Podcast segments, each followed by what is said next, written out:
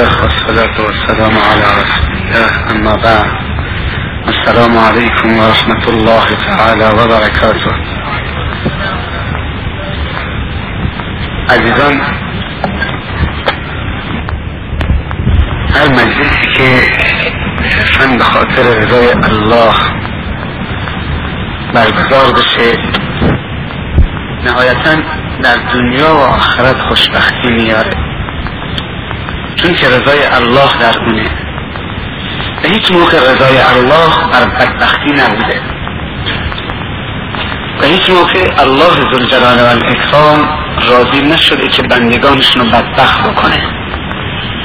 و هیچ موقع الله ذوالجلال و الاکرام رحمان الرحیم ارحم الراحمین راضی نیست و نمیشه که بندگانش کافر بشن ظالم بشن. ستمگر بشن متمرد بشن.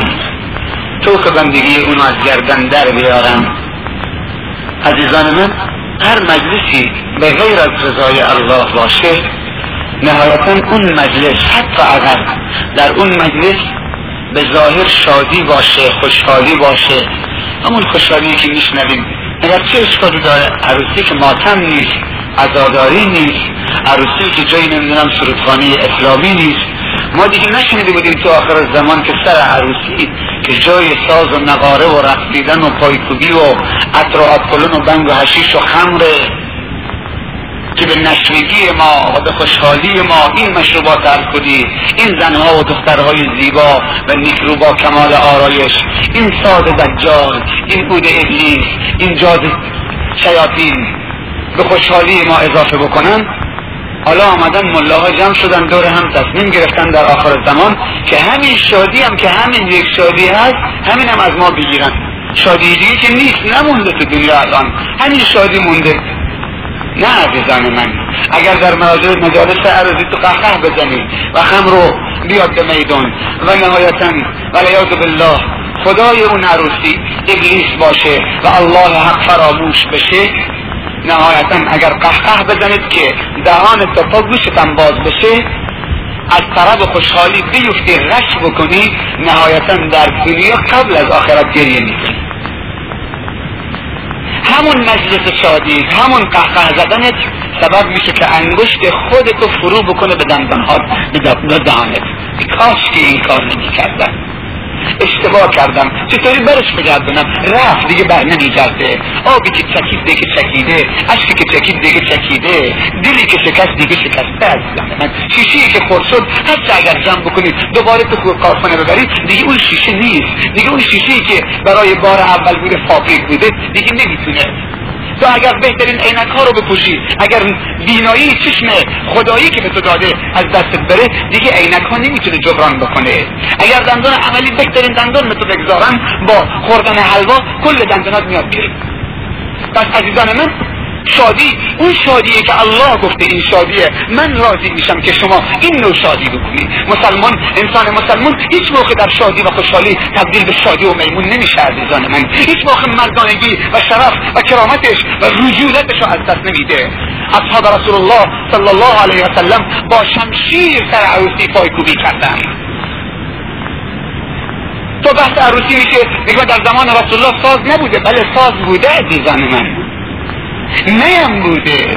همین چیزایی که الان هست در اون زمان بوده. اینها وسایل امروزه. در اون زمان هم وسایل اون روز بوده.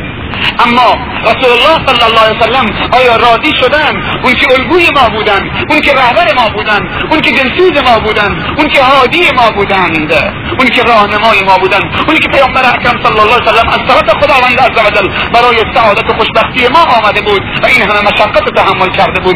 برای اینکه ما سعادتمند بشیم ما خوشبخت بشیم ما از روسیاهی و رسواهی و حقارت و ذلت دنیا و آخرت نجات پیدا بکنیم. آیا اگر واقعا ساز وسیله خوشحالی بود. واقعا زن رسیدن زن و مرد و اختلاط و مشروب و خمر وسیله سعادت و خوشبختی بود. آیا وقتی از بیابانی رد می‌شد چوفانی نمی‌زد چطوری دستش تو گوشش کرد که نشنوه. نهایتا صحابی سوال کرد یا رسول الله مگر این صدای ظریف اشکال داره که وارد گوش تو بشه؟ نهایتا روح تو رو تغذیه بکنه. چرا اینو میگم؟ به خاطر که خیلی از عزیزان خیلی از فریم خوردگان خیلی از خودباختگان ما به حساب و به ظاهر با سوادن لیسانس هستن مدرسه رفتن دیپلم دارن خیلی باسوادن ادعا دارن ادعای تو خالی. اما خود باخته هستن خودشونو باختن. با هر سازی دارن می‌رفتن. پرچه می‌شدن که هر طرفی باد میاد به اون طرف میچرخه. انسان مسلمان نباید پرچم باشه عزیزان من. ما وسایل اسلامی داریم. اسلام در حق ما هیچ کوتاهی نکرده. حتی وسایل سرعروسی.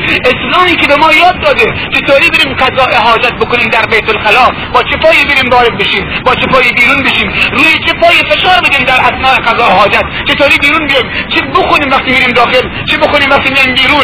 با چه قضا حاجت بکنیم؟ با چه چه استنجا بکنیم خودمون پاک بکنیم؟ تمامی این امور حتی قضا حاجت و بیت الخلا رفتن رو به ما یاد داده. آیا فکر می‌کنی که چه رسم و رسوم عروسی رو ما یاد نداده؟ یا وسیله نداره برای عروسی؟ یا مراسم نداره؟ یا کمبود داره که نمی‌تونه عروسی های ما رو اشباه بکنه عزیزان من؟ رسول الله صلی الگو بودی که دستش و انگشتانش در اینجا تو گوشش فرو کرده با شنیدن صدای نی. و گفته نهایتا هر کسی این گوش برای شنیدن صوت حق اشکال نداره. حتی خیلی بهتر عزیزان من. بذار در عالم طبیعت باشیم. این چراغ ها این نورافکن ها نمی‌تونه که دل ما را منور بکنه. تنها نور ایمانه نور محمدیه نور توحید و نبوت نور قرآن نور سنت محمد مصطفی صلی الله علیه وسلم نوری که از تولید نوری که نتیجه و منعکس شده ایمان به خداوند عز و جل دنیا و آخرت رو برای ما روشن می‌کنه. تاریکی ها رو برای ما روشن می‌کنه. اون نور رو از دست ندیم. این نور بذار از دست بدیم اشکال نداره. اما اون رو اون نور رو از دست بدیم عزیزان من.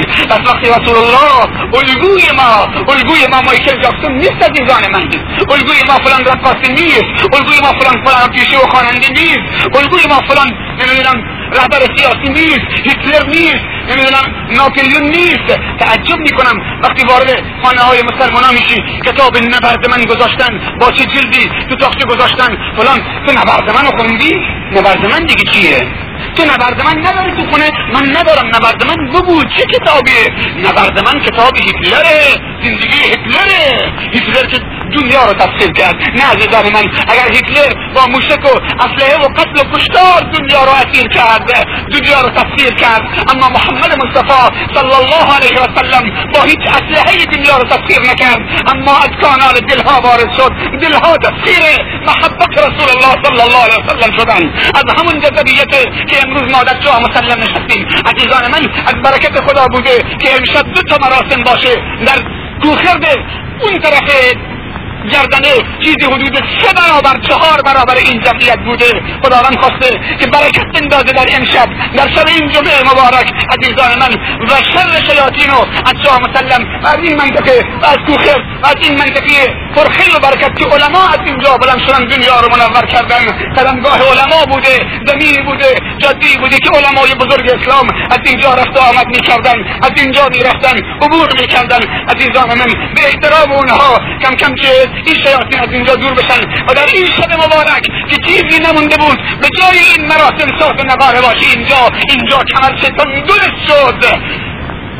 رحمت پدر و مادر پدر و داماد عروس رحمت به آقای ابولی ابولی زاده و به آقای رحیمی و آقای حسن ابولی زاده داماد محترم حقیقتا اینها لایق بودن در نزد خداوند عزوجل که خداوند عزوجل تو دلشون انداخت. در این شب مبارک شب صلوات و درود بر پیغمبر شب استغفار شب محترم شب توبه شب گریه شب پربرکتی که گذشتگان ما و آبا و اجداد ما رو انتخاب کردن برای شب زفاف و شب عروسی و جشن مراسم عروسی جگر گوشه هاشون و جواناشون. که نطفه های مبارکی در چنین شبهایی بسته بشه و به هم پیوند داده بشه و اولاد صالحی توی شیخ محمد زیایی و توی شیخ انصاری که در قطر وفات کردن و دنیا رو فراتل کردن و در مدینه منور نماز غایب در حرم رسول الله و شیخ انصاری که از اینجاست و زادگاهش اینجا بوده نماز غایب خوندن. عزیزان من زحمات و احترام و بزرگی اون علمای بزرگواری که چه خداوند از وجل بهشون توفیق دادی که از این منطقه سر بزنن به باد ندی با ساز و نقاره با رسیدن مرد و زن با لحو لعب با حالات ابلیس. در این شب جمعه مبارک جهنمی رو برای خودتون در دنیا قبل از آخرت درست نکنید عزیزان من. چقدر این خانواده عروس و داماد و چقدر داماد و عروس محترم بودن و واقعا آقا بودن و لایق بودن نزد خداوند عزوجل شما فکر نکنید عزیزان من اگر ساز و نقاره بود این جذبیت رو نداشت که این همه مردم بیان. حقیقتا ما این جمعیتی رو که در کوخر دیدیم اگر می آمدن اینجا این محبت رو پر می‌کردن. ولی خدا خواسته دو تا مراسم باشه. آرزوی من این بود که آقای بخشایشم بیاد اینجا این سنگه رو پر بکنه. کلاس داشت ولی دعا کردیم. خدایا کمکمون بکن. این جوانه حاضر شدن که این مراسم و مراسم اسلامی بکنن. اینها تسلیم تو شدن. پس کمکمون بکن. برادرمون آقای بخشایش بیار اینجا. شیخ ایوب آمده. زحمت کشیدن. ولی آقای بخشایش هم بیار. تا جمع جمعتر باشه و هیچ سنگری خالی نباشه. خوش به سعادت شما عزیزان و خواهرایی که در این جمع شرکت کردن. اگر عروسی ابلیسی بود به قسم ندارم بخورم که چنین جمعیتی نمی آمد و اگر آمده بودن به قصد بد می آمدن به قصد چشکرانی به قصد نمی‌دونم فلان به قصد توهین. مسخره لحو و نهایتا اگر بلای نازل می‌شد دامن چه دامن جرهانه می‌شد و سر خوش میسوخت این مراسم بهترین مراسمه که در دنیا بازده خوبی داره. تو اینجا احساس آرامش می‌کنی. بعد از این هم وقتی میری خانه که بخوابی راحت میخوابی. نه جنگ اعصاب داری نه ناراحتی نه خواب نمیری نه خودتو به تخت خواب می‌زنی به رخت خواب می‌زنی. دست زیر سرت چون هیچ دعوایی نشده. هیچ چیزی ابلیسی در صدات بلکه آرامش ایمانی بوده رحمت الهی بوده که بر انجام نازل شده از طرف خداوند عزوجل در حدیث وارد شده بندگان نیک من در این مجلسی جمع نشدن برای یاد من بزرگی من که یاد بکنن و ذکر من بکنن و باز و نصیحت بکنن و مردم و همدیگه رو به یاد من بندازن. مگر اینکه من ملائکه های خودم را فرستادم که اونها را با بالهای خودشون با پرهای خودشون اینطوری حلقه بزنن و اونها را در بر بگیرن. همونطوری که مرغی جوجه هاشو در بر می‌گیره و زیر بابش میاره عزیزان من خوش به سعادت شما. مردم از معصیت خسته شدن.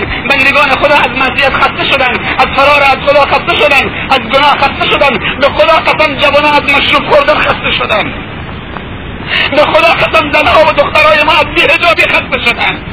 از سرخاب و ماتی خسته شدن. روز دو ساعت فقط میشونن سرخاب و ماتی می‌کنن. جوانان از بنگ و حشیش خسته شدن از بینمازی و الواتی خسته شدن ولی کسی نیست اونها رو راهنمایی بکنه. رو به کی بیارن پیش هر آینی رفتن اونها رو ترک کرد. پیش هر ملایی رفتن اونها رو درک نکرد. جوانان همه خوبن. اکثری که جلو من نشستن همه جوان عزیزان من. ما باید بر بگردیم تنها چیزی که انسان خسته نمیشه تنها چیزی که همیشه می‌خواد بره تنها چیزی که هیچ موقع پشیمانی نداره تنها چیزی که اصلا ضرر نداره تنها چیزی که هیچ موقع تبدیل به بلا و نقمت و عذاب نمیشه فقط ایمان به ذات پاک الله ایمان به رسول الله ایمان به اسلام ایمان به قرآن ایمان به وحدانیت الله. اللهی که رب السماوات والارضین. اگر این چراغا رو خاموش بکنید نگاه به ستاره های خداوندی بکن. چه عظمتیه؟ آیا یک لحظه فکر کردی اینها همینطوری تو آسمان مسخرن؟ چطوری نمیفته شما در دهات در شهرهای قرار دادی که دور از چراغه شب این چراغا رو خاموش بکن برو پشت این بام بخواب. ها صورت و بالا نگاه به این عظمت بکن چطوری داره چشمک می‌زنه. خورشید ما یک میلیون برابر زمین ماست یکی این است. یک میلیون زمین کنار هم گذاشتن شده یک خورشیدی یک آفتابی. چه عظمتیه از مسیر منحرف نمیشه. آفتاب طلوع می‌کنه غروب می‌کنه ماهتاب میاد. ستارگان میدرخشند. سبحان الله درخت میرویه. انسان تولید میشه بچه به دنیا میاد. خودت گوشت چشمت از یه قطره آب بودی. چرا اینها رو نادیده می‌گیری؟ چرا حاضر نیستی تفکر بکنی؟ من خطاب به جوانای عزیز به سرورای عزیز. من خودم جوانم مثل شما. آتش می‌گیرم میگردم عزیزان من. درد شما را حس می‌کنم. من چرا خوابم از شما خواب منو تو سورو ازم گرفتی. به خدا قسم خوابم ازم گرفتی. چرا من ساعت یازده و نیم شب تو گردنه های چا مسلم ولو باشم. چرا من خواب نداشته باشم؟ از اونجا برو به اونجا. از اونجا برو به اونجا. نه گردنه نه درده نه سرما نه گرما نه گرسنگی نه تشنگی نه بیماری و حنجره نه انفلانزایی که داشتم. چرا عزیزان من؟ من دارم آتش می‌گیرم دنبال شما. شما چرا فرار شدید عزیزان من؟ من نیامدم که شما دستبوس من باشی. من آمدم که همه با هم بگیم. لا اله الا الله محمد رسول الله. این می‌خواد این می‌تونه ما رو نجات بده. این می‌تونه ما رو خوشبخت بکنه. عروسی هایی که لحو العیب باشه معصیت باشه. نهایتا در دنیا قبل از آخرت گریه میاره عزیزان من ما نیامدیم که عروسی شما رو تبدیل به گریه بکنیم. تبدیل به ماتم بکنیم. اما اش بریزیم. این این امشب شب خوشحالیه شب شادیه. اما شادی که با معصیت باشه اون شادی نیست. اون حقیقتا گریه است. خندی که با معصیت و گناه الله باشه و خلاف الله باشه و تمرد الله باشه اون حقیقت گریه است عزیزان من. این اشعا این گریه. این تعجب حقیقتا. یک زنی میگه من از امت محمد صلی الله علیه وسلمم. اما حجاب اسلامی رو نداره. آیا دخترای رسول الله بی حجاب بودن؟ یک زن میگه من از امت زنهای امت محمد مصطفی صلی الله علیه وسلم اما سر عروسی ها آیا دخترهای رسول الله و زنهای رسول الله رقاصی سر عروسی ها بودن. یک زن میگه من از امت محمد صلی الله علیه وسلم اما با اطراعات کنون میاد سر عروسی تو بازار در خونه میشینه. با کمال آرایش لباس خوسی و نازک و تنگ و فشرده میپوشه. آیا دخترهای رسول الله و زنهای رسول الله با اطراعات کلون و لباس های تنگ و نازک و با کمال آرایش بیرون می به خدا قسم چنین زنهایی از زنهای امت رسول الله صلی الله علیه وسلم نیستند رسول الله صلی الله علیه وسلم اعلام بیزاری از چنین زنها و مردایی کرده عزیزان من. تنها اسم اسلامی کافی نیست. تنها کافی نیست که تو شناسنامه یا گذرنامه نیستن دیانت مسلمان. مذهب تسنن یا تشیع. این کافی نیست. درگیر و دوا نمی‌کنه. در حالی که چادرش نمیگه لا اله الا الله. در حالی که چشمش نمیگه لا اله الا الله. در حالی که شمکنش نمیگه لا اله الا الله. در حالی که لباسش نمیگه لا اله الا الله. در حالی که زندگیش نمیگه لا اله الا الله. عزیزان من توبه دست جمعی لازمه. بازگشت به سوی خدا دست جمعی لازمه. ما همه با هم باید بر بگردیم به سوی الله. اگر یک نفر در ما تخلف بکنه ما باید شب و روز گریه بکنیم تا اونو نجات بدیم. اگر الان بگم خانه فلان برادر اونجا آتش گرفته کلر و یخچال و ماشینش داره همه میسوزه زن و بچهش نجات پیدا کردن بیرون رفتن نجاتشون دادن. اما کلر و یخچال و ماشینش داره میسوزه و تلاهاش. آیا من سخنرانی را ادامه میدم؟ بدون که میکروفون رو دستگاه خاموش بکنیم همه می‌دادیم که بریم یخچالش و کلرش و ماشینش و چه آتشش خاموش بکنیم. اونها هم از آتش سوزی نجات بدیم عزیزان من امروز می‌بینیم که جوانهای ما نماز نمی‌خونن. امروز می‌بینیم که دخترهای ما حجاب ندارن. امروز می‌بینیم که جوانهای ما شکار شدن دارن میسوزن جهنمی که ابلیس برای اونها روشن کرده اصلا آب از آب تکون نمی‌خوره. مثل که این آتش نیست. جوان داره معتاد میشه از بین میره بهترین ورزشکار. بعد از یک ماه شده اندازه انگشت من. یک نفر تکن نمی‌خوره کجاست ایمان؟ صحابه رسول الله برای ما این همه راه طی کردن عزیزان من. که ما جهنمی نشیم خون دادن جا دادن جان دادن پول دادن همه چی دادن. چرا ما حاضر نیستیم برای نسل آینده؟ برای تضمین نسل آینده کارهایی که اصحاب رسول الله کردن انجام بدیم. مگر ما ادعای امت محمد صلی الله علیه وسلم نداریم؟ و نمیگیم ما از امت محمد صلی الله علیه وسلم هستیم. عزیزان من دستها رو بگذارید تو این دست من برادر کوچکتر شما ولی به خاطر شما حرکت کردم. همون چیه؟ از کجا آمدیم؟ یک صحبت دل می‌دونه.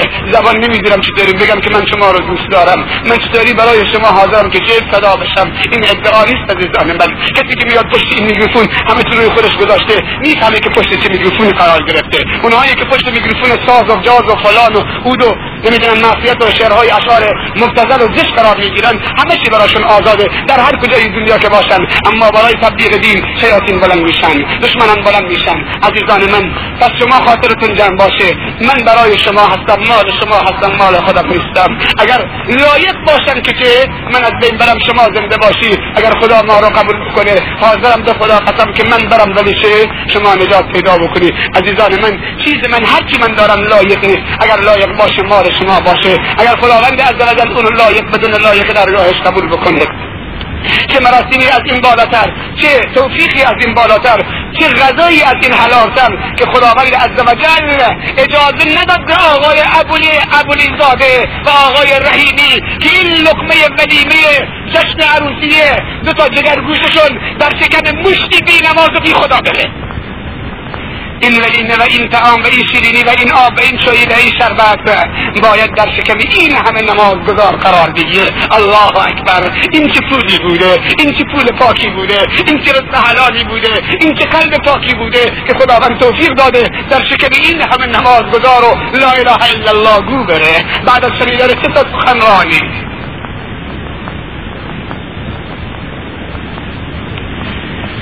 خواهرای عزیز می‌دونم که چه چند برابر شاید پنج شش برابر جوانا و قصرا و مردان شستی دور بر. پشت بام خانه ها تو خانه ها از راه دور آمدی. عزیزان با خانواده آمدن. بندگی خدا را بکنید لباس ابلیسی را از بندر بکنید لباس اسلامی رو بپوشید ایراد و شوهران نگیرید اگر زنی نماز پنج وقتش بخونه روزه رمضان بگیره اطاعت از شوهرش بکنه روز قیامت خداوند عزوجل میگه از هر دری از درهای بهش می‌خوای وارد شو. ای خواهر عزیزم ای زن مسلمان تو برای تو کوچه و بازار نیستی. تو برای ماهی پاک کردن نیستی. تو برای اطراف کلون زدن و آمدن بیرون و فتنه انداختن جوانان نیستی. تو برای رقصیدن نیستی. تو که میمون نیستی. تو که دلغت نیستی. تو که لعبه نیستی. تو که بازیچی دست مردان نیستی و ابلیس ها نیستی. تو بندی نیک خدا هستی. تو باید زیایی ها رو تربیت بکنی. تو از زنهای امت محمد صلی الله علیه وسلمی کجاست لباس شرم و حیا؟ کجاست لباس عزت و کرامت؟ کجاست لباس اسلامی؟ کجاست لباس تقوا؟ کجاست لباس اسلام؟ کجاست لباس قرآن؟ کجاست لباس خدایی؟ کجاست لباس زنهای پیامبر؟ صلی الله علیه و سلم. این همه ضبط صوت گذاشتن. این همه جوان گردنشو بلند کردن. الله اکبر. خواهرم کاری نکن که این جوان ها رو تو فتنه بندازی. گناه خودت و گناه این جوان ها همه برگردن خودت. کاری نکنید که خداوند با تو که جسمت خیلی ظریف و نازکه آتش جهنم شوره بر بکنه تو رو هیزم جهنم بکنه. خواهرم تو می‌دونی خدا باندې عز وجل تو رو طوری خلق کرده؟ اگر قدر خودتو ندونی و بندگی خدا رو نکنی و خودتو تسلیم ابلیس بکنی می‌تونی هزارها جوان و هزارها سخنرانی رو با یه اتراز کلنت خود حساب بکنی. ولی این کار نکن. اگر خدا و رسول خدا رو دوست داری اگر بهشت خدا رو می‌خوای اگر رضایت خدا رو می‌خوای اگر آخرت رو می‌خوای اگر می‌خوای بنده مؤمنی باشی اگر می‌خوای خدا از راضی باشه پیامبر از راضی باشه و نهایتا خوشبخت دنیا و آخرت باشی. با اطراف کلن بیرون نیا با کمال آرایش بیرون نیا لباس نازک نپوش لباس تنگ نپوش نصف پوشیده و نصف لوخ نپوش لباس نمی‌دونم گلگلی و زرق و برق و خوسی نپوش کفش های پاشنه بلند نپوش. موی تو موی سرتو چون کوهانش دور نکن روی سرت بذار چادر رو بر سرت بکن مقنعه رو بپوش. با کمال وقارت با کمال سنگینی و با بخار از خانه برای حاجت صرفا بیرون بیا. بنشین تو خانه تو برای ماهی پاک کردن نیستی. تو برای اتو کردن لباس مرد نیستی. تو برای غذا پختن نیستی. تو برای جارو کردن نیستی. تو برای کارهای خانه نیستی. تو برای تربیت اولادی. تو مدرسه هستی که باید که زیایی ها رو تربیت بکنی فاطمه زهرا ها رو تربیت بکنی حسن حسین ها رو تربیت بکنی اصحاب رسول الله صلی الله علیه و تربیت بکنی. دکتر و مهندس و میکانیک و معلم و مربی و عالم و دانشمند و به مجتمعات ما هدیه بدی. اگر تو بیای بیرون راه بازار در پیش بگیری راه عروسی ها در پیش بگیری راه از مسجد جمع بکنیم جای دیگه. یک دفعه که آمد گفت که شیخ یه کتاب کوچیکی هست این قدره. تو کتابخانه بین این هزار تا کتاب کتاب چه معاشرت زناشویی. این کتاب طور شده که بچه کوچک اونو می‌بره اونی که میاره اونو می‌بره اونی که میاره دختر و پسر گفتم وای این همه کتاب ندیدم فقط همین ها شیطان کجا؟ نهایتا کتاب رو همه جمع کرده تو فایده نداره. بردیم جای دیگه و اون کتاب از تو نداره بعد عزیزان من ما باید کاری بکنیم که مطالعه مفید داشته باشیم. وقتی روز پنج ساعت آسور به وقت ما رو بخوره روز ده ساعت هم تلویزیون و ویدیو روز پنج ساعت هم تو زمین فوتبال آن به جای خودش نماز جای خودش ساعت جای خودش وقت آمدی خسته گفته نماز شام یو. او خستم. نماز صبح هم رفت. بس چی شد دیگه؟ مسلمان چیمون تو پاسور و ورق و نمی‌دونم فلان و فلان همه تمام شده رفت. با میگیم حرام درست نیست. میگه نه الا بالله. مال اینجا نیست ما جای دیگه هست. ما که قمار بازی نمی کنیم. ما که رو شرق بازی نمی کنیم. ما که رو پول بازی نمی کنیم. ما دوستانه بازی می‌خوایم سرگرمی فقط یعنی مسلمان این سرگرم میشه. جای تأسف واقعا جوانا به این بازو به این عظمت نیم جوانی و تندرستی بنشینم کنار پاسور خیلی واقعا حیف این جوانی نمیشه. شاید مختلف باشی متصع باشی. سخنگو باشی. مردم با یک سخنرانی بلند بکنی بذاری بتونی صدها نفر به راه راست هدایت بکنی. شما را به خدا قسم. پیرمرد ریستفی در که هشتاد سال عمر گرفته یک نفر هدایت نشده توسط او. ظلم نیست. مسلمان صدر اسلام. همین الان مسلمان می‌شدن می‌رفتن بیرون دنبال مردم میگشتن. تو بیا چهار طرف درباره اسلام. ظرف چهار روز ده نفر مسلمان می‌کردن. اما یکی از ما هشتاد سال عمر از خدا می‌گیره یک نفر خلافکار چه به راه راست هدایت نکرده. دیگه او حرفش چیه؟ دیگه چی می‌خواد ثابت بکنه؟ انسان مسلمانی که نمی‌تونه چه در مقابل پاسور تحمل بکنه مقاومت بکنه. دیگه در مقابل آمریکا شمشیر دستش میده کلاشین گفت آرپیجی رو کتفش بذاری؟ خیلی مشکله. ما تا بر خودمون پیروز نشیم نمی‌تونیم بر اون پیروز نشیم. جلوگیری دو جلوگیری کردن از به وجود آمدن فرزند خوب است یا نه؟ حرامه تحدید نسل اصلا درست نیست قتل نسله خدا میده تو دیگه نمی‌خوام ما تنظیم نسل داریم اما تحدید نسل نداریم. تنظیم نسل تحدید نسل نداریم. من نمی‌رسیم تربیت بکنیم نه خاصی تربیت بکنیم. رسول الله صلی الله علیه وسلم فرمودن که تزوج الولود الولود فإني مکافر بكم الامم یوم القیامه اگر می‌خواید زن بگیرید نگاه بکنید خانواده های زن های از قبیله های زن بگیرید که زنهاشون و دختراشون دو صفت دارن. خوب گوش بدن. این دو صفت چیه؟ پول دارن؟ نه. جمال دارن؟ نه. دختر قد خداست نه. یعنی چه موی طلایی دارن؟ نه. چی دارن؟ دو خصلت دو صفت. یک الودود زنهای با مودت و با محبتن صفت دوم این زنها که تاکید شده از اون زنها زن برای خودت انتخاب بکنی از اون خانواده دختر به عنوان زن و همسر انتخاب بکنی. اول با مودت باشن دوم زیاد بچه دار بشن ولود.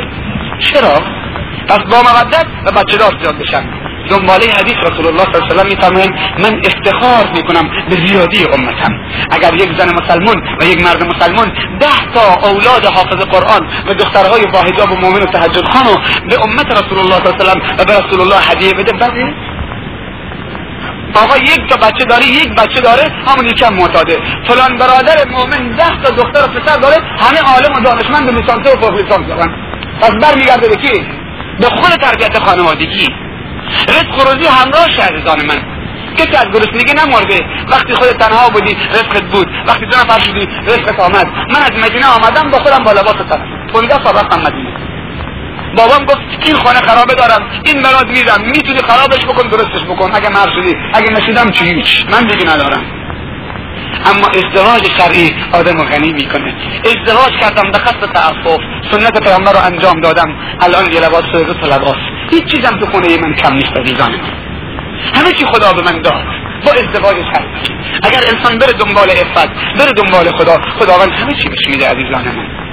اولاد صالح که چه؟ زیر بازو بگیرن و درود بر تو بفرستن و صدقه جاری باشن در میزان حسنات اگه ده باشه بده در حدیث وارد شده اگر پدر و مادری بچی رو حافظ قرآن بکنن روز قیامت دو تا تاج در انتظارشن تاج بهشتی یکی بر سر مادرش یکی بر سر پدرش.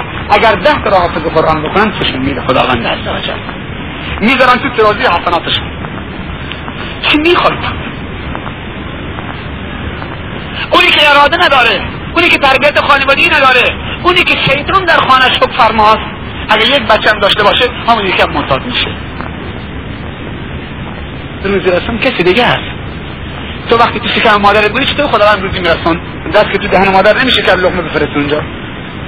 نوزاد تو سه تاریکی قرآن گفته که ظلمات سلاس یکی تو پلاستیک مشینه وقتی بروته این همه چی داره. من دست تب نخوندم من قرآن خوندم. بچه و جنین تو سه تاریکی امروزه تب بالا بعد از 1417 سال حالا از خواب بیدار شده که بله سه تاریکی. برو دنبال کاره. 1417 سال پیش محمد مصطفی صلی الله علیه تو کجا بودی؟ خواب بودی؟ تب کش کرده. دوست داری کی مسکین. پیرزنای ما می‌فهمن که قرآن می‌خونن با پیرمردای ما. تاریخی مشیمه مشیمه چیه؟ مشیمه اون پلاستیکیه که چیه دور جنینه. این یه تاریکی هیچ راهی نداره. پلاستیک پلم شده. از طرف خداوند. سبحان الله چطوری اونجا غذا میرسونه؟ چطوری نفس میرسونه؟ چطوری اونجا چه خداوند رزق روزیش میرسونه؟ عجیبه. هیچ راهی نداره. تو پلاستیک پلوک شده. یک تاریکی مشینه دو این مشینه با این جنین تو تاریکی دیگه قرار داره. به اسم رحیم هیچ راه هم داخل رحم نیست. بعد اون مشینه که جنین توشه اون یه تاریکی. با تاریکی رحم تو یه تاریکی دیگه قرار داره. به اسم شکم. تاریکی شکم تاریکی رحم و تاریکی مشینه. سبحان الله تو نگاه بکن خداوند چطوری رزق و روزی بچه رو اونجا میرسونه که بچه رشد می‌کنه. اگر غذا نرسه روزی نرسه بچه رشد می‌کنه. چطوری نه ماه روز میشه؟ اول که یه قطره آب بوده چطوری رشد می‌کنه؟ بزرگ میشه نه ماه روز میشه. می‌بینی چطوری بچه تغذیه میشه؟ در دین شرمایان نیست. خواهران نشستن باید این مسائل بدونن. هنگامی که به مجردی که نطفه زن و مرد به هم پیوند خورد و از اون بچه زن از اون نطفه حامله شد. به مجرد لحظه اولی که زن حامله بشه عادت ماهانه قبل میشه. خونی که باید بیاد بیرون قطع میشه نهایتا خداوند توسط لوله ناف مادر که به لوله ناف به ناف بچه و جنین متصله از کانال همون لوله اون خون میرسانه به بچه تغذیه می‌کنه. سبحان الله. دست هیچ کس همجور تغذیه می‌کنه تا نه ماه و نه روز. محاله که زن حامله چه عادت ماهانه بشه. به خاطر که اون دیگه غذای بچه است.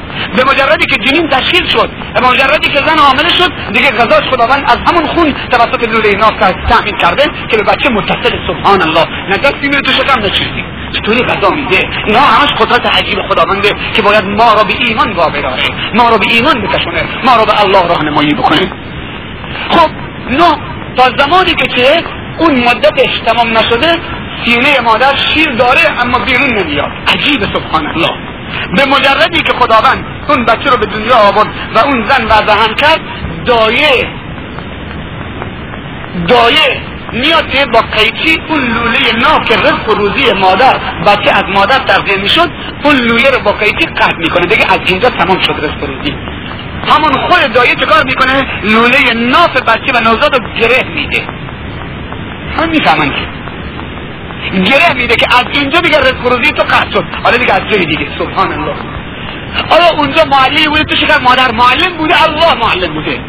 بچه که هیچ حالش نیست بهش گفته از اینجا دیگه قطع کردم. به مجردی که رفتی وارد دنیا شدی الهام بهش کرده برو دنبال سینه مادرت بگرد که اونجا پر شیر کردن. غذای دیگه. اونجا قطع کرد یه جای دیگه پر از غذا کرد. شما دیدید بچه کوچک کی علم مکیدن بهش یاد داده؟ سبحان الله به مجردی که به دنیا میاد دست می‌کشه سینه مادرش رو پیدا می‌کنه.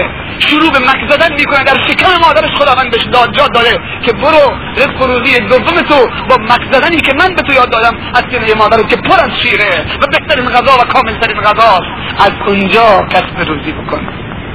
یک بچه به دو تا میشه مدرسه ای میشه. آیا اونایی که ده تا بچه دارن و چهار تا زن دارن 20 تا بچه دارن آیا توش موندن؟ حقیقتا توش نموندن همسایه ما چهار تا زن داره چهار تا خانه داره 20 تا بچه داره. الحمدلله همشون توی سلامتشون خوب و دخترای خوب مؤمن با خدا همه تو خط جماعت ماست 20 تا بچه داره. همسایه دیوار به دیوار ماست چهار تا چهار تا خانه. اول دو تا بودن الان شدن 20 تا و چهار تا 24 تا. دو درجه. آدم اراده داشته باشه تفکر در اختلاف بکنه. هر چیز فورا جلوگیری بکنه. تموم شد. جلوگیری راحت. نه عزیزم من. در حدیث وارد شده که اگر خداوند بخواد از اون نطفی که از اون نطفه بچه درست بکنه در حدیث وارد شده اگر روی سنگ مرد بیاد نطفهش روی سنگی بریزه از همون نطفه که روی سنگ ریخته شده که بچه درست می‌کنه. که بسا زنهایی و مردهایی که جلوگیری کردن نهایتا نسبت به همدیگه بدبین شدن. من سراغ دارم مردی عصبانی بود زنش رو طلاق کرده بود. ها در بدر شده بود اصلا به زنش مشکوک شده بود به زنش گفته بود ای زن تو که جلوگیری می‌کردی خودت به حاملگی میخوردی منم جلوگیری می‌کردم چطوری تو حامله شدی؟ بدبین شده بود نسبت به زنش. خداوند اگر بخواد بچه درست بکنه درست می‌کنه. عزیزان من فریب نخوریم اولاد صالح و نیک و تربیت بکنیم. اولاد صالح اگه صد تا باشه چه؟ باکی نیست. اگه صد تا باشه اگه دویست تا باشه ذریه خوب نسل خوب خوب عزیزان به درد می‌خوره و تو رو سربلند می‌کنه در دنیا و آخرت. صحبت خیلی زیاده سوال خیلی زیاده. سوال سوال میاره صحبت صحبت رو میاره گپ گپ رو میاره. همینجا قطعش می‌کنم. شما که سیر نمیشید منم خسته نمیشم عزیزان من. صحبت خداست که آدم خسته نمیشه و سیر نمیشه. اگر صحبت کسی دیگه بود الان زمانی خسته شده بودیم و شده بودیم انشاءالله مراسم بعدی ولی یه خواهش از عزیزان دارم. کاری بکنن که چه؟ بیشتر چه هماهنگی بکنن نوبت و نوبت دیگران نزنن. این جلسه خدا چه فرجی داد و موفق شدیم. اما کاری بکنن که چه؟ انشالله مراسم بعدی هماهنگی بکنن یک دو هفته سه هفته یک ماه پیش خبر بدن. ما فلان شب عروسی داریم. فلان شب مراسم داریم. عروسی مونه می‌خوام عروسی اسلامی بکنیم. تا چه؟ ما نگاه بکنیم و به شما نوبت بزنیم. اما دو تا نوبت پیش بیاد. اینجا یه اینجا ناراحتن. یه اینجا ناراحتن. آیا اینو می‌رسن؟ آیا اونجا چه شد؟ این مشکله. برادر شما درست کرده بودن. نهایتا ما بلند شدیم. گفتیم باید بریم کسی دست من نگیره که برادر اونجا منتظرن ولی اگر قبلا درست هماهنگی شده بود ولی خدا دیگه چه کسی دیگه هست؟ الحمدلله. هر شما که راضی هست از این مراسم. هیچ مشکلی پیش نیامد الحمدلله. اونها هم از شما راضی بودن.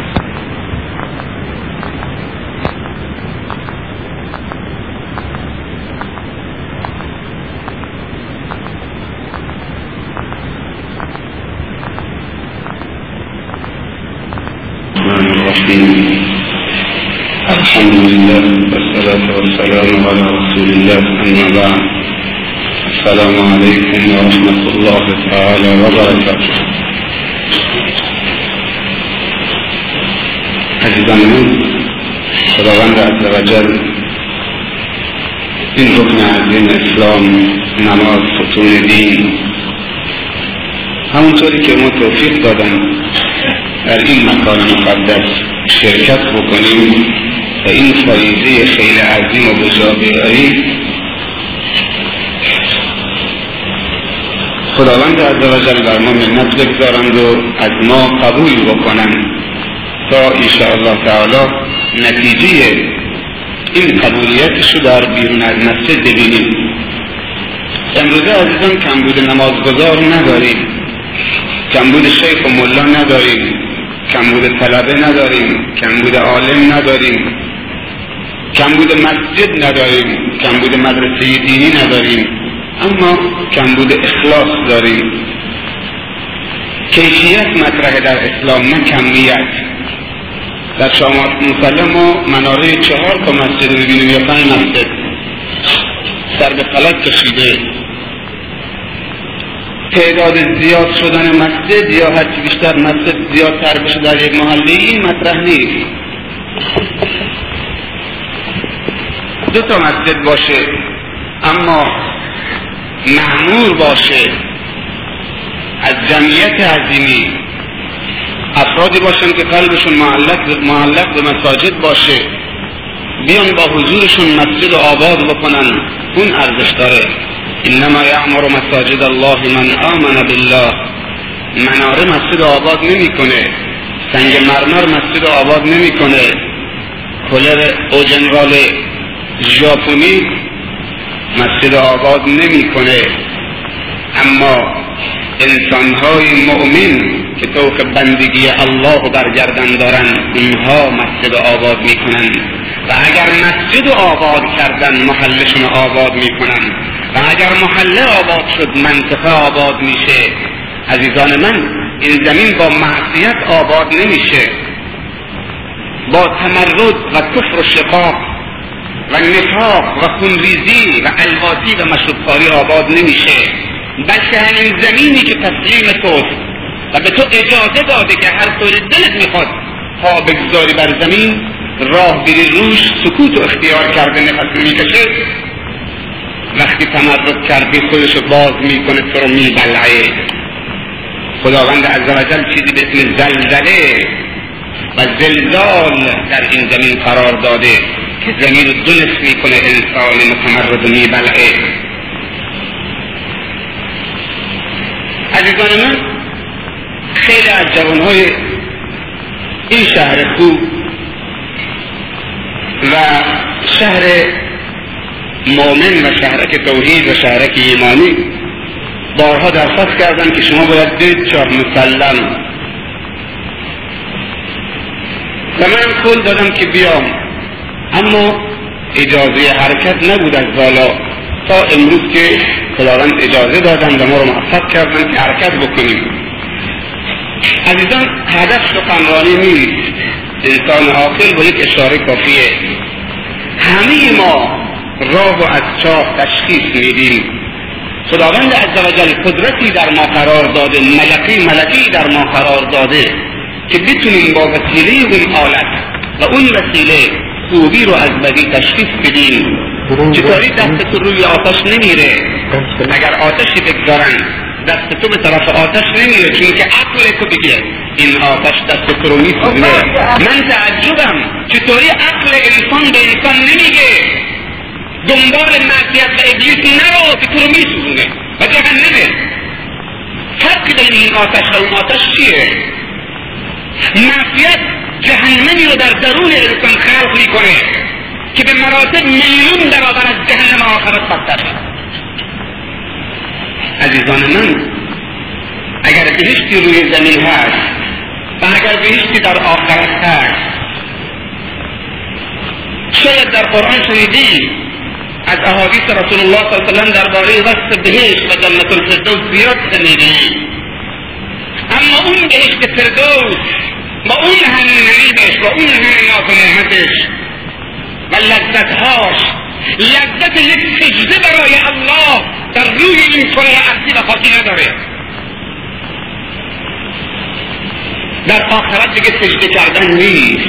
نتیجه این سجده رو می‌بینید از یک سجده میلیون ها بهش درست می‌کنید قدر این سجده ها رو ببینید امروز عمل بدون حساب فردا حساب بدون عمل. اینجا به خصوص خداوند عزوجل سخنرانی را کردن در این منطقه و خصوصا در جا مسلم که حقیقتا نباید ما سخنرانی بکنیم. چون که خداوند عزوجل در چند قدمی خودش سخنرانی کرده. با خون بهترین تعبیرترین و مطلوبترین بندگانش. اینجا با خون سخنرانی شده. نه با بیان نه با زبان. من نیامدم سخنرانی بکنم. من آمدم که به شما بگم و شما را متذکر بشم مردم چاه مسلم خصوصا قشر جوان. دست شیخ و گرفت آورد اینجا یک هفته قبل از شهادتش. در این مسجد ایستاده همینجا که من ایستادم همینجا که شاگردش ایستاده استاد بنده اینجا ایستاده.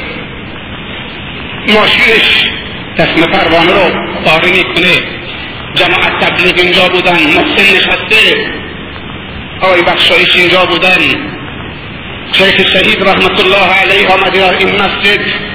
از نماز مغرب خداوند وقتی می‌خواد وسیله رو سبب خیلی بکنه برای مردمی. تصم پروانه شیخ در چند قدمی پاره میشه. شیخ نمیفهمیده که جریان چیه.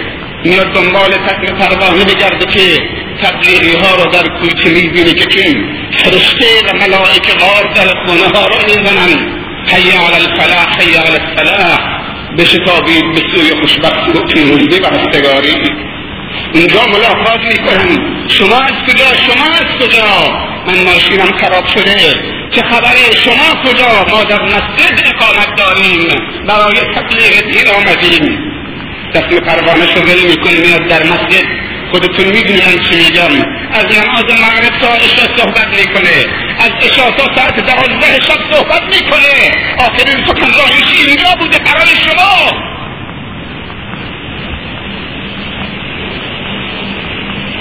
آخرین هفتش بوده. خدا حافظی با محراب و منبر و میکروفون بوده. خدا حافظی با کل دنیا بوده. از اینجا حرکت می‌کنه. بعد از اون غیبش می‌زنه. ساعت ساعت دوازده شب خداوند دست این مرد مبارک که سالهای سال بیست و پنج سال از اینجا دقت شده. شاید پا تو این مسجد نگذاشته بوده. دستشو می‌گیره قبل از شهادتش میکشونه به اینجا چون که شما رو دوست داشته. می‌خواسته اتمام حجت با مردم شاه مسلم بکنه که امثال شیخ عبدالله انصاری رو در خطر داشتن که وقتی وفات کردن و از دنیا رفتن در مسجد النبی مدینه نماز قایا برش خوندن. کجا از اولاد؟ عزیزان من فکر نکنید که این یک صدفه بود همینطوری بود. ماشینش خراب شد آمد اینجا نه فرشتگان خداوندی تصم پروانش رو بریدن. قرقش کردن که بیاد اینجا. یک مردم چاه مسلم مواظب خودتون باشید. متوجه خودتون باشید. راه آخرت دین در پیش بگیرید. از نماز مغرب تا ساعت دوازده شب هیچ موقع چیز سخنرانی نکرده. صحبتاش همین یک ساعت خلاصه شده. از نماز مغرب تا دوازده شب از اقل پنج ساعته چهار ساعت سخنرانی کرده. بعدم بعد از چند روز شاید حس کرده که صحبتاش اینقدر قدرت نداشته که این مردمی که در خوابن این منطقه کلا بیدار بشن. از خداوند عزوجل این دعا را کرده این رو طلبیده که بارلا ها با خطرات خون من اینها رو بیدار بکنه. عزیزان صحبت عالم تکن دهنده است. دنیا رو بلند می‌کنه و بیگذاره صحبت علمای دین علمای ربانی اونهایی که علمشون از ورق نیست. از کاغذ نیست از کتاب نیست معلوم نیست از کجا صحبت می‌کنن. هنگامی که پشت میکروفون قرار می‌گیرن و برای تبلیغ دین حرکت می‌کنن و زبان و دهن به سخن میگشایند رابطی برقرار میشه با عالم لدنی. علم لدنی ما داریم. سکوت علما دیگه از صحبتشون بالاتره.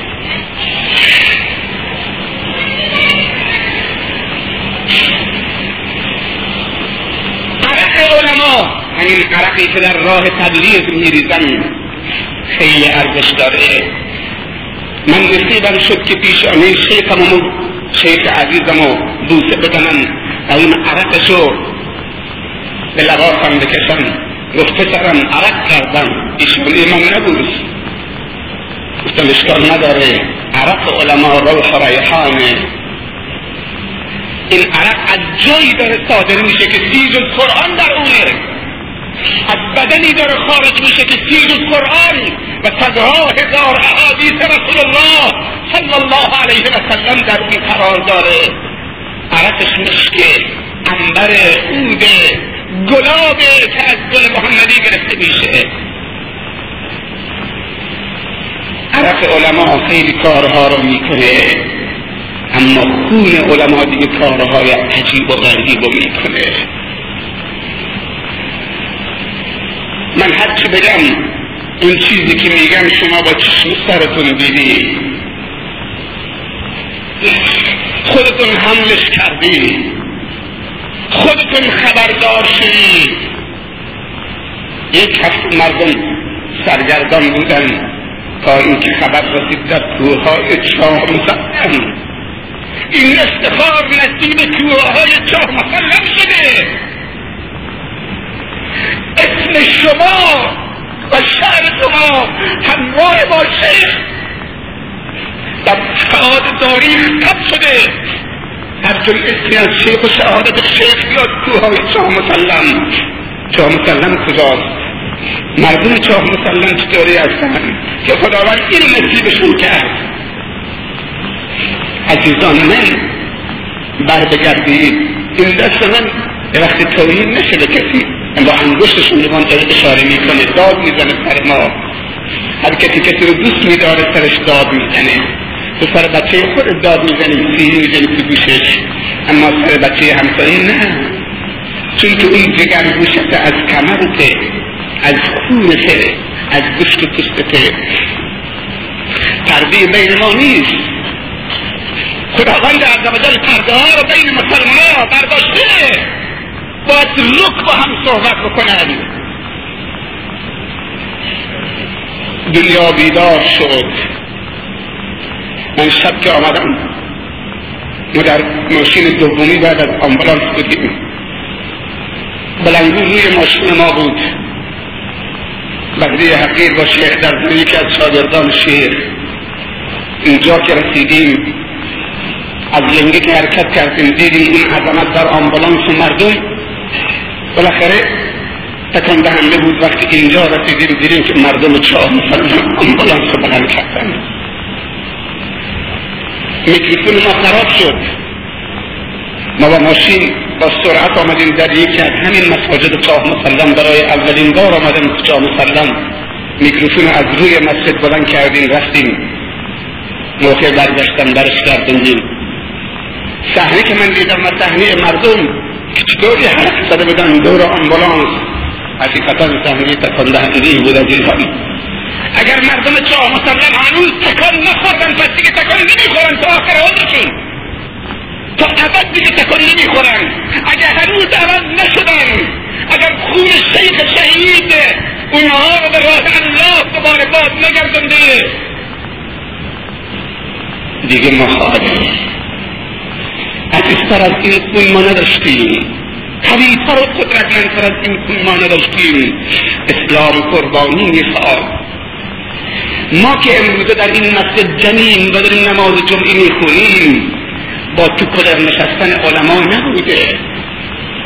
با رو تخت و تشک ابریشم و حریر نبوده. با ران مر خوردن و کباب خوردن و نوشیدن و خوابیدن ما دیندار نشدیم. بالاتر از بیایی خودش داده برای این دین.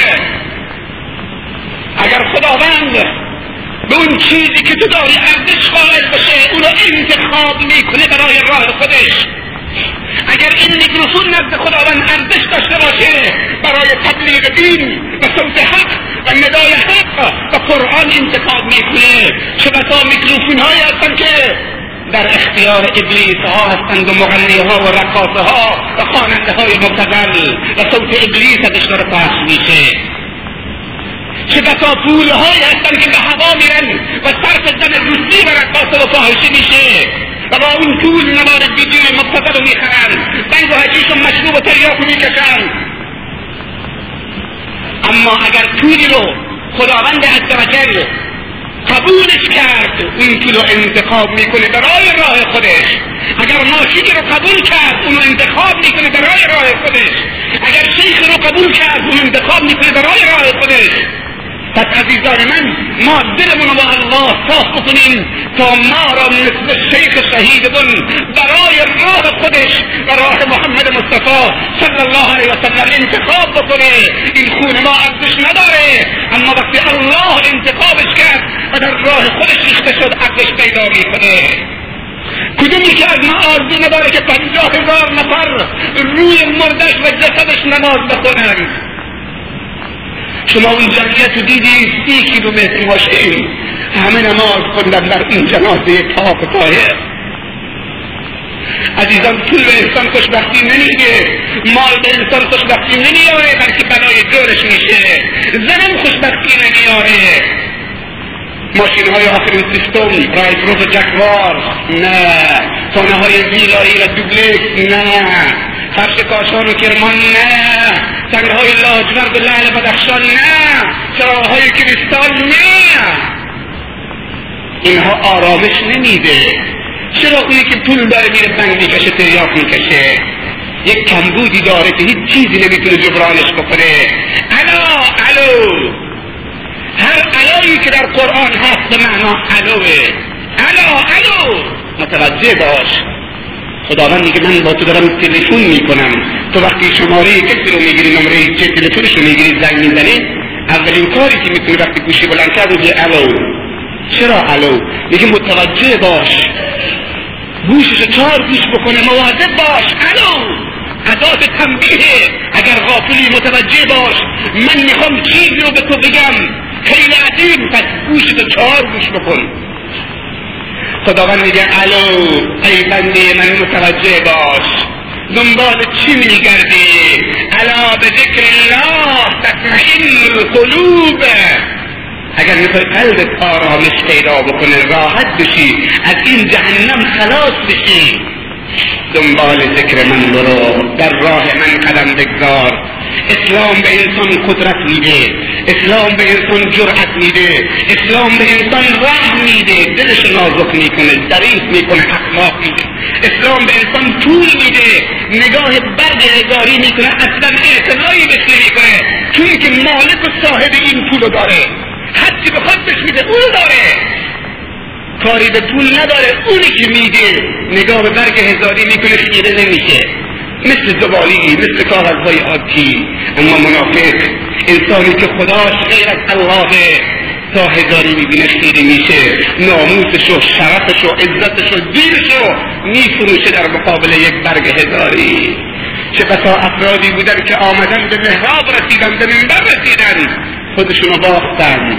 یا سلطه یا جاه یا مقام یا پست بشن دادن. یا ماشین جدی گلوله بشن دادن. چهار تا چه؟ حراست بشن دادند. پول بشن دادند. همه چی رو باختن. عزیزان من بیایم در این راه. الرحمن داریم که رحمت داره. روزی رسول الله صلی الله علیه وسلم در کوچه های مدینه رد می شدن چهار تا بچه کوچک پنج ساله و شیش ساله با رسول الله گفتن نمیشناختنش. بازی می‌کردن بهش گفتن که آهای بیا اینجا کجا میری؟ رسول الله برگشت. صلی الله علیه و سلم بعد اون بچه های کوچک بهش گفتن تو شطور ما میشی ما می‌خوام بازی شطورا بکنیم. تو شطور ما میشی اخلاق رو نگاه بکن. احساس رو نگاه بکن. رحمت شفقت رو نگاه بکن. یک دفعه زانو زد مثل شطور. صداش بشه خانواده من و خودم. زانو زد مثل شطور. بچه های کوچک سوار بر کمر رسول الله. صلی الله علیه و سلم رهبر دنیا بود. کسی که امروز یک میلیارد و چهارصد میلیون مسلمان پیرد دینشن و دنیا رو به لرزه در آورد. این کار ناپیون نکرد. هیتلر نکرد. بلکه دنیا رو کفران کردن کشتن همه چی رو سوزوندن. اما رهبر بشریت دلسوز امت رحمتا للعالمین حتی بچه بهش فرمون میره بگه شطر من میشی در جا میخوابه. اگر به من تو پیش بچه ها بگن شطر من میشی شطرش میشی؟ این شطرش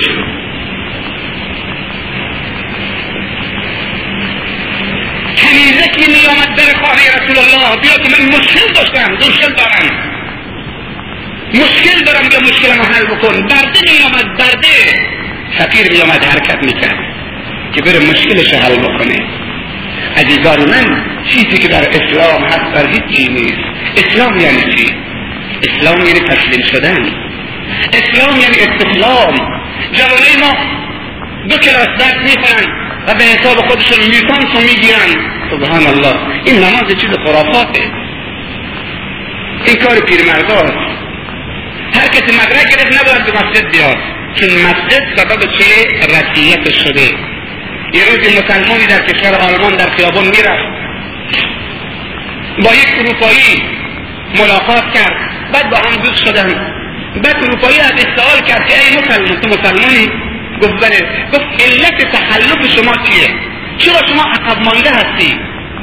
چرا شما پیشرفت نمی کنی مثل اروپا بشی؟ گفت علت عقب افتادگی ما اسلامه اون مسلمان گفت. گفت علت عقب افتادگی ما اسلامه. گفت اسلام دستشو گرفت. اون کافر دستشو گرفت. بردش تا در بزرگترین بیمارستان در آلمان. که در تابلوی در بیمارستان نوشته شکمتون رو به سه قسمت بکنی. یک قسمت برای آب یک قسمت برای غذا یک قسمت برای نفس. بعد زیرش نوشته محمد ابن عبدالله. از آن خوب گوش شکمتون رو سه قسمت بکنید. در بیمارستان چه آلمان یک قسمت برای غذا یک قسمت برای آب یک قسمت برای نفس کشیدن. بعدم زیرش نوشته محمد ابن عبدالله. صلی الله علیه و سلم. بعد گفت این چی رو تابلو نوشته؟ مسلمان برای اون کافر کن. بعد گفت اون که زیرش نوشته اون اسم کیه؟ محمد ابن عبدالله. بعد گفت اون رهبر ما مسلمان گفت همونه پیغمبر شما نیست. محمد ابن عبدالله رهبر شما مسلمان نیست. گفت بله این همونه. گفت این کلامی که روی تابلو در بیمارستان آلمان نوشته و ما نوشتیم این کلام رهبر شماست. این کلام بزرگترین مرد دنیاست. این کلام تمامی اتباست کسی که این گفته بی سواد نبوده بلکه با سواد بوده. لیاقت رهبریت جهان بشریت داشته. بعد دست میداره تو سینه اون مسلمان دیگه برو دنبال کارت برو دنبال چیزی دیگه بگرد که اسلام علت عقب افتادگی شما نیست بلکه خودتونی. کسی که چنین حرفی رو زده اگر شما ازش پیروی می‌کردی عقب افتاده بودی شما نخواستید اسلامو اسلام یعنی تسلیم شدن یعنی هوا و هوا رو کنار گذاشتن یعنی زن رو کنار گذاشتن. یعنی کسی زن نگیره نه. زن بگیرن اما زن رو نپرستن. کار بکنن اما پول رو زحمت بکشن اما معلق به دنیا نباشن. آخرتشون رو در حساب دنیاشون نبازن. عزیزان من همه راه ها مسدود میشه. نهایتا باید بر بگردیم از همین محراب رد بشیم. کانال ما از همین کانال هر راهی جوانای ما تجربه بکنن و غیر از راه برن سرشون به این سنگ می‌خوره. حرف منو باور نمی‌کنن برن یک بار تریاق بکشن. اگر پهلوان چا مسلمان باشه چه؟ بعد از یک هفته چه؟ این بازوشو از دستش میده عزیزان من شیطان بیداره. جوانا من جوانم مثل شما. درسته به خاطر پیرمردا و پدرها هم آمدم اما صرفا و نقد درصد آمدن من به خاطر جوانات چون که من خودم جوانم و جوان همراه هم آوردم که ببینم بابا تنها خودشون نیست بلکه دنیا جوان بیدار شده. ما دیشب در دژگون بودیم عزیزان من. چند شب قبلش در جای دیگه بودیم. این شبم در مسجد القیاس بندر لنگه هستیم. دیداری با جوانها جشن اختتامی خونه که جوانها ببینن که امروز جوان بیدار شده نه مرد. جوان قدرت جوان غیرت جوان خسته نمیشه. جوان شهامت داره. این غرورش اگر در راه دفاع از اسلام سر بشه چه میشه؟ این بازوش اگر راه دفاع از اسلام و ناموس مسلمین سر بشه چه میشه؟ عزیزان من امروزه میگن که ماشین 92 فلان تاجر رو از در خانش دزدیدن. چند بار شنیدی که ماشین فلانی رو دزدیدن ماشین فلانی رو دزدیدن؟ فلان دوست داماد طلای فلانی رو برد. خیلی کم پیش میاد. ماشین داماد بنده دزدیدن. از در بیمارستان بهش گفتن برو تو زیارت بری تو بذار. به دامادم گفتن مواظب باش که ایمانت ندزدن ماشین دار بره. زیارتم نمی‌خواد. امروزه ماشین ایوان ماشینه. دزدای ماشین دوز خیلی کمن انگوش شمارن اما دزدهای ایمان دوز و حجاب دوز و نماز دوز و تقوا دوز و شرف دوز و ناموس دوز چقدر زیاد شدن به راحت ایمان ما رو از دستمون می‌گیرن. جوان دیده شده که پای راستش رو پله اول مسجد. ابلیس ها آمدن پای دومشو نگذاشتن که بلند بشه. دنده عقب. از آن مغرب داره میگه از روی پله مسجد پایینش آوردن. رو موتور گذاشتن بردنش. پدری که میگه السلام علیکم و رحمت الله دست راست. چشمش خیره شده؟ پسرش تو صفت دلش آب میشه. دو تا دیگه مونده دست چپ و پشت سرش. السلام علیکم و رحمت الله. این طرف هم جگر نیست. یک امیدی دیگه داره که پسرش پشت سرش می‌بینه سلام که داد نگاه به پشت سرش می‌کنه که فرزندش نیست. کجا رفته؟ آب میشه. عزیزان من خطبه خطیب روی منبر درباره محشر و موت بود. چرا موت برای دیگران باور داریم و برای خودمون باور نداریم؟ لذت ثانی رو بر لذت باقی ترجیح میدیم. این لذت ها زود گذره. عزیزان متوجه باشین جوانا متوجه باشن. بنگ و حشیش و تریاک و بیهجابی و بدهجابی و معصیت و کفر وارد شهرتون نشه فدا بشی همینطور که فدا شدن و اسلام رشد کرده. طایف مبارک رسول الله صلی الله علیه وسلم در طایف و دندان مبارک رسول الله صلی الله علیه وسلم در جنگ احد خود شد و پاش خونین شد. حضرت عمر فاروق در محراب رسول الله خنجر خورد و شهید شد. حضرت عثمان بن نورین هنگامی که قرآن خدا را تلاوت می کرد آخری زدن بر فرق سرش خون جاری شد در قرآن. حضرت علی کرار حیدر کرار انگامی که در کوفه برای نماز صبح می‌رفت در راه رفتن به نماز صبح خنجر عبدالرحمن ملزم خارجی در پیشانی مبارکش قرار گرفت. حسین در کربلا شهید شد زیایی در کوه جا مسلط که شد. دین علکی به ما نرسیده.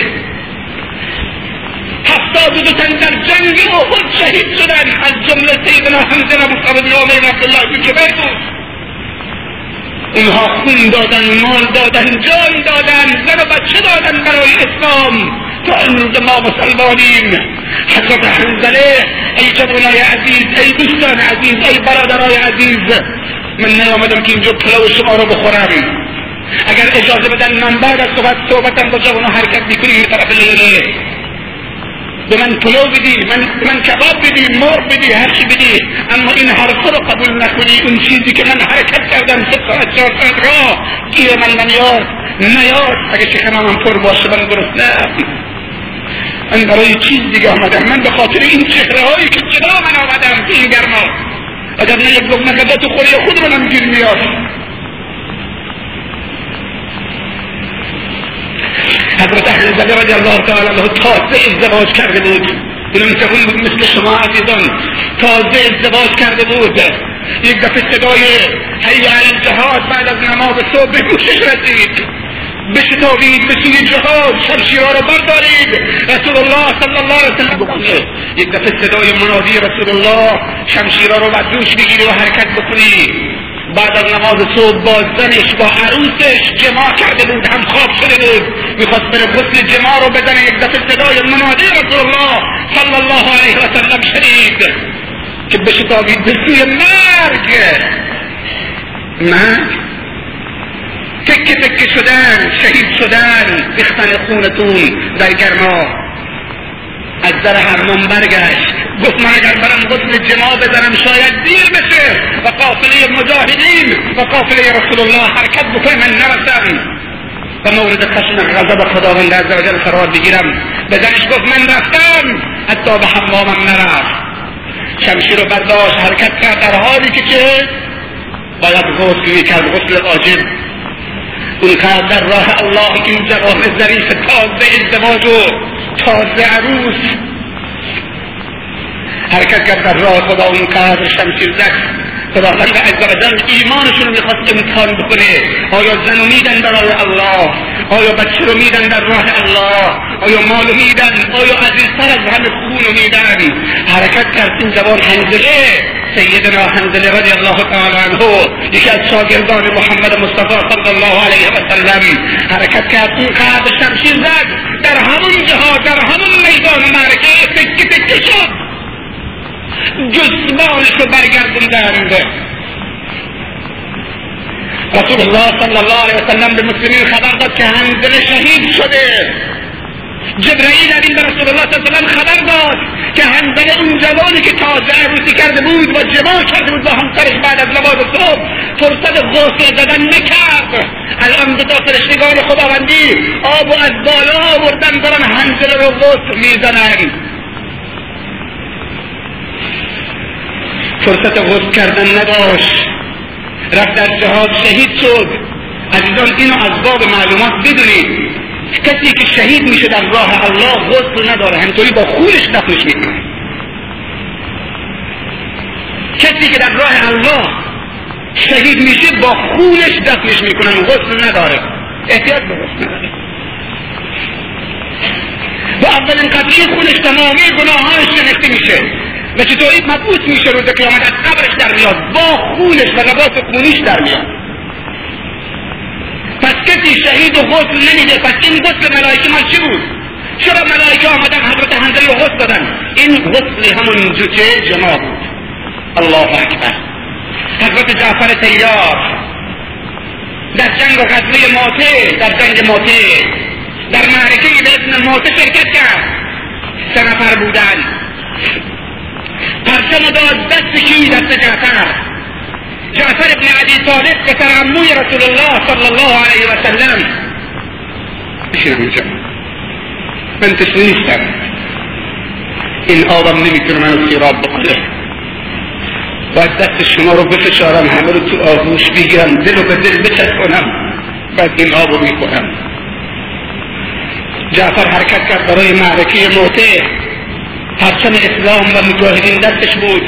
شمشیر بدن دشمنان اسلام و مشرکین دستش از بازو قطع کردن. پرچم رسول الله افتاد. صلی الله علیه وسلم با دست چپش پرچم رو گرفت. خون داره میباره. چه قدرتی به انسان میده ایمان و اسلام. خون داره میباره. دستش از بازو قطع شد افتاد روی زمین. پرچم با همون قدرت با دست چپ گرفت بلند کرد مجاهدین جمع شدن. زدن بازوشو از دست چپش از کتفش قطع کردن پرچم افتاد. غلطید روی زمین پرچم با سینه گرفت. نهایتا حضرت جعفر رو شهید کردن و پرچم اسلام از دستش افتاد. رسول الله صلی الله علیه وسلم به اصحابش خبر داد که جعفر تیار تیار چی؟ ترنده تیاره. جعفر تیار. در حدیثی فرمود که خداوند عزوجل کین جعفر دو تا دستشو به خاطر الله داد خداوند دو تا بال به اون داد. داره با ملائکه های خداوندی پرواز می‌کنه. از اون روز به بعد تا امروز بهش گفتن جعفر پرواز کننده. جعفر پرنده جعفر تیار. این لقب از رسول الله صلی الله علیه و سلم گرفت. عزیزان من همه برمیگردیم دست جمعی باید برمیگردیم این راه ببندیم. دزدا مواظب باشی شهر ما رو بیرون نکنند. عزیزان ما این نیست معنیش که بیاد بغیر بیارم این شهر رو خراب بکنن. معتاد میاد جوانای ما رو از ما می‌گیره. مفسد فی میاد نوار ویدیو مبتدر میاد. نوار زشت از دبی میفرستن میاد. ویلا این جوانای ما یک بار نوار رو نگاه بکنن اگر صد بار این سخنرانی رو گوش بدن. بعد از این سخنرانی یک بار این نوار زشت رو نگاه بکنن این سخنرانی همه برباد میره. باید ریشکنش بکنیم. نوار ویدیو سخنرانی نوار ضبط سخنرانی نوار ویدیو قرآن جاگزین این نوارا بکنیم. عزیزان من خصوصا قشر جواد یکی از عزیزان به من گفت که یک دختر چهارم دبیرستان که امسال دیپلمش می‌گیره. این از این چهار سال؟ سال چهارم؟ سال چهارم باید مدرک دیپلم بگیره. تو مدرسه تو دبیرستان معتاد میشه. صبح تا صبح این شاگرد ممتاز مدرسه بوده. جوان خوب مواظب باشن که همه جا دنبال من تو هستن. صبح تا صبح یک دختری حسودیش میشه که چرا این شاگرد ممتاز اول کلاس باشه؟ دیگه باید بلایی به سر در بیارم که کیف بکنی که دیگه از من سبقت نگیری.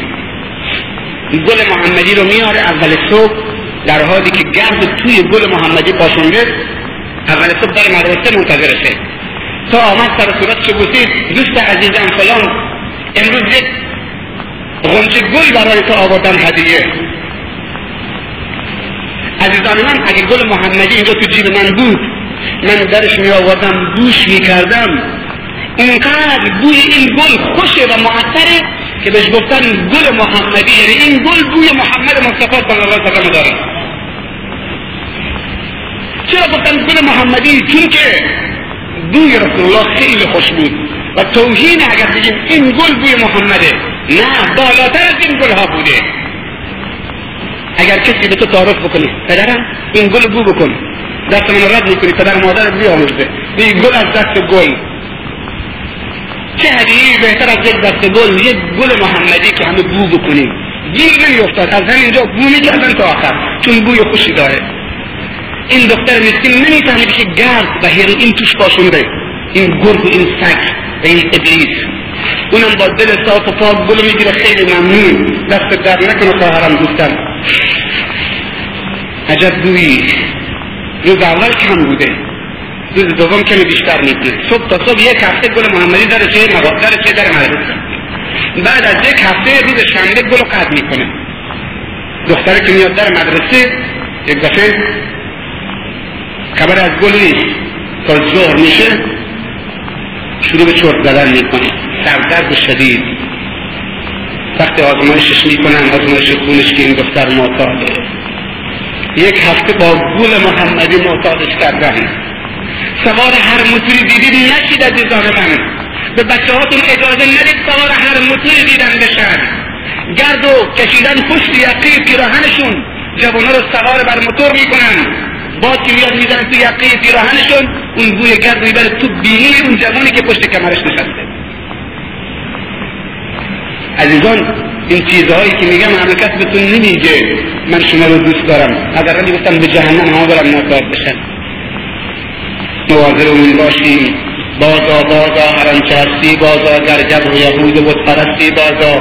این درگه ما درگه نومیدی نیست صد بار اگر تو شکستی بازا. عزیزان همه کس گناه کرده. کسی بیگناه نیست. کسی معصوم نیست مگر محمد مصطفی صلی الله علیه و سلم. اما در توبه بازه اگر بیایی در بازه اگر نیایی خدا بی نیازه. عزیزان من بر بگردیم قبل از اینکه فرصت از دست ما بره همیشه صحبت تکرار نمیشه. همیشه کسی نیست که کسی نصیحت بکنه. همیشه کسی نیست که کسی دو دلسوزی بکنه. امروزه همه چسبیدن به خودشون. مستی نفتی شده. عزیزان من این فرصت و غنیمت بشماریم. الحمدلله فاصله اینجا تا بندر خمیر. تا بندر لنگه فاصله نیست. آقای امینی هست خدا حفظش بکنه. آقای بهجت هست عبدالباعث هست شیخ اینجا نشسته. شیخ خادی می‌شناسید. این طرف هم دارید شیخ عبدالکریم محمدی کجاست؟ تو هرنگ شما بین علما دارید زندگی می‌کنید. هستی یکی از این اجزا و اساتید و مشایخ دعوت بکنید به اینجا. برید در خانهشون بخوابید. عزیزان تا این نوبت رو گرفتون عزیزمون رو بلوم نشست پیراهن آبی پوشیده. پس هشت ماه پیش آمده در خانه من. تو مسجد اونقدر آمده من مدیون اونم. شما هم باید مدیون اون باشید که ما را به هم رسون بعد از شیش ماه هست ما پی در پی. بالاخره امروز موفق شدیم که روی در روی هم قرار بگیریم. آیا من از اینجا رفتم مثل شیخم دیگه بر نگشتم به چه مسلم. عزیزان من فرصت و غنیمت بشماری. نماز بخونه قبل از اینکه بر شما نماز بخونم. دلتون به حال خودتون بسوزه کس نخواهد پشت من جز ناخن انگشت من. از مکافات عمل غافل مشو گندم از گندم دروید جو جو. اگر تو جو کشتی جو درو می‌کنی. اگر گندم کشتی گندم درو می‌کنی. خوبی کشتی خوبی درو می‌کنی. بدی کشتی بدی درو می‌کنی. چو باید همه در دل خاک رفت خوشا آنکه پاک آمد و رفت. من خیلی خوشحالم. با خداوند عزوجل در همه حالم سپاسگزارم که چنین فرصتی به من داد. که این عزیزان و از این سروران عزیزمون در شهر شاه مسلم ملاقات دیدار بکنیم. و یک یادآوری باشه اون کافری که از اینجا حرکت کرد چند ماه پیش و شهادت اون استاد بزرگوارمون. و یادآوری باشه برای زحمات اون شیخ و راه اون شیخ و انشاءالله بچه رو تشویق بکنیم که بیان در این منبر چی قرار بگیرن. پدرمون پیر شده زحمت کشیدن. اینها سالهای سال زحمت کشیدن برای ما خطبه خوندن جور ما رو کشیدن. امروز وظیفه نوجوانان و جوانهاست. ما نمیگیم ملا بشید نه. ما می‌خوام که اینجا مهندس و دکتر و لیسانسه و معلم و پزشک بیاد روی این منبر با سی جز قرآن سخنرانی بکنه. اسلام نمیگه همه برن ملا بشن میگه همه با سواد بشن. همه دیندار بشن اما برن چه دکتر و مهندس و لیسانسه حتی زنها و دخترها باید برن بزرگ بشن باید برن با سواد بشن. مادرهای ما باید با سواد بشن تا زیایی رو تربیت بکنن. بی سواد که به درد نمی‌خوره. اگر مادر بی سواد شد بچه بی سواد میشه. اگر پدر بی سواد شد بچه شاید بی سواد میشه اگر مادر با سواد باشه. چون که مادر معلمه و بچه در دامان مادر همیشه نه در دامان پدر. پدر که مسافرت میره. پس عزیزان من دست به دست هم دیگه جوانا احترام پیرمردا رو ریشتفی باش اونهایی که زمین فوتبال میرن مسجدم بیان. پیرمردان وقتشون بدن در یک هفته یک روز. الان نوار شد تو ماشین می‌گفت رابطه شیطان بین پیرمردا و جوانا قطع کرده. جوانی که میره زمین فوتبال فکر می‌کنه مسجد نباید بره. جای پیرمرداست پیرمرد که میره مسجد زمین مسجد فکر می‌کنه که نباید بره سر زمین فوتبال. اگر شما این پیرمردا ریشتفی عصر جمعه برن سر زمین فوتبال بعد